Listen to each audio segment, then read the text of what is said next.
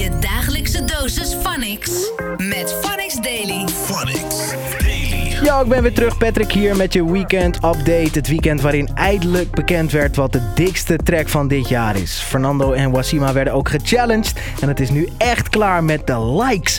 En hoe het eraan toe ging tijdens de Sinterklaas-intocht, dat hoor je allemaal in de Phonix Daily podcast. Phonics Daily. Het is een feit. Dom Doen van Henky T en Jonna Fraser is de dikste track van dit jaar. De track kreeg van jou de meeste stemmen tijdens de Phonics Dikste 1000. Nice prestatie van Henky. Dom Doen bracht hij independent uit. En daar komt veel bij kijken. Um, het moeilijkste was gewoon om, om gewoon, ja, alle kanalen weer bij elkaar te brengen. Iedereen, kon, iedereen, iedereen weer te connecten met elkaar. Um, uh, Marketing-wise, zeg maar, moesten wij alles uh, vanuit ons Quattro Vision zelf doen. Snap je? En, uh, het was uh, zelf financieren, beatmakers zelf, uh, alle beats zelf halen, um, videoclips zelf financieren, snap je? Dan kan je ook Maar- zien wie echt liefde voor je heeft. Toch? dat Precies, soort momenten. Phonics Daily. Dat ze de beste track van het jaar hebben, betekent niet dat ze kunnen ontsnappen aan Wasima's vragenvuur. Ook voor Jonna en Henky was het antwoorden of stroomschokken. Lil Klein of Henky T, voor altijd mee samenwerken. Allebei.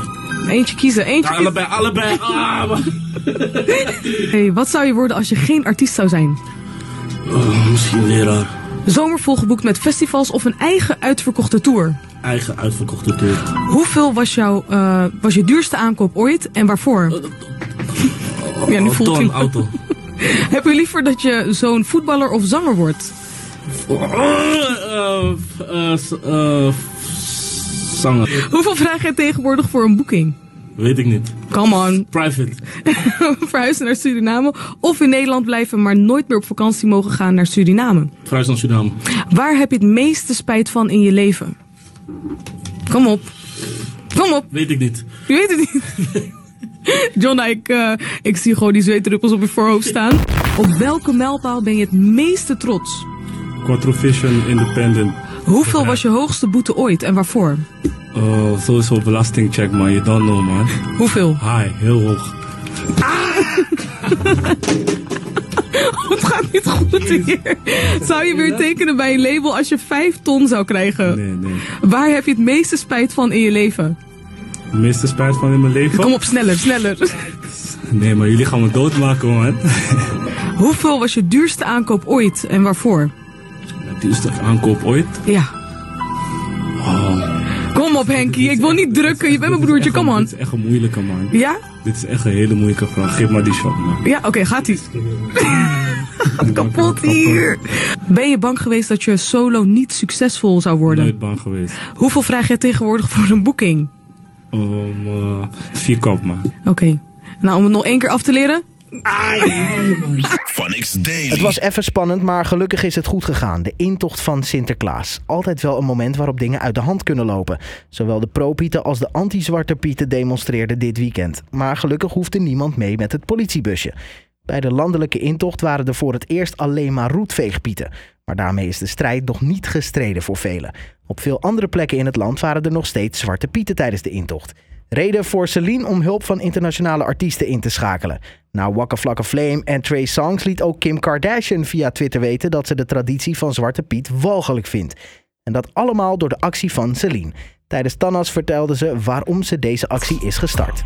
Nou, het mij zo geraakt is, eh, vroeger eh, kreeg ik niks mee. Weet je, mensen in je om- omgeving, dus werk, school, et cetera, die een negatieve mening hadden, die uiten het niet, omdat er een allochtoon bij zat. En ik had wel getinte vrienden en die praten wel- eens over, et cetera, maar ik wist nooit wat er precies echt speelde. Dus gaat vanuit dat het van twee kanten komt en dat is ook wat ik dacht dus. Tot ik dus op Facebook kwam en die reacties begon te lezen, besefte ik gewoon dat het echt een grote leugen was. Die reacties, echt mensen waren zo gemeen, zo hartloos en dan voor wat? Voor een zogenaamde traditie waar ze Ja. het over hebben. Nou, ik vind dat dit dus de haat is eigenlijk die mensen bij hun dragen. Want je gaat niet zomaar nu opeens, weet je, voor Sinterklaas komen al die haatberichten eruit. Iets wat je, zeg maar, afgelopen in het jaar nooit hebt benoemd, wil je nu opeens benoemen. Weet je, dat is gewoon een haatgevoel die in mensen zit. Phonics Daily. Het Phonics FM en anderen vinden dit leuk. Dit is wat je vanaf nu alleen maar op Insta kan zien. Want het is game over met de likes. Het experiment van Instagram om likes te verwijderen is nu echt wereldwijd uitgerold. Instagram hoopt dat met het weghalen van je hoeveelheid likes de app weer gaat draaien om de foto's en video's zelf, in plaats van om hoeveel likes je pakt. Het lijkt een kleine verandering, maar het houdt mensen wel wakker. Het is het populairste artikel op de website at the moment en ook de sterren vinden er wat van. Nicki Minaj zegt: Geen likes is geen Insta meer voor mij. Kim K, die is er wel blij mee. Volgens haar heeft het een positieve invloed op je mentale gezondheid. Phonics Al Daily. heel de week zagen ze hoe anderen het deden. De Autotune Challenge. Maar nu was het de beurt aan Wassima en Fernando zelf om de challenge te killen. Ze maakten een zieke remix van Dromen zijn bedrog van Marco Borsato. Ik heb wat support nodig van mijn collega's hoor. Echt. De meeste dromen zijn bedrog.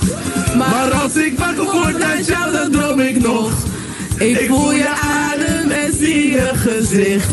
Je bent een droom die naast me ligt. Iedereen, kom op! Je kijkt me aan en lek je uit. Je dagelijkse dosis Phonics. Met Phonics Daily. Phonics Daily. Dat was weer je weekend update. Tijd om de nieuwe week fresh fresh te starten. Ciao. Blijf up to date met Phonics Daily.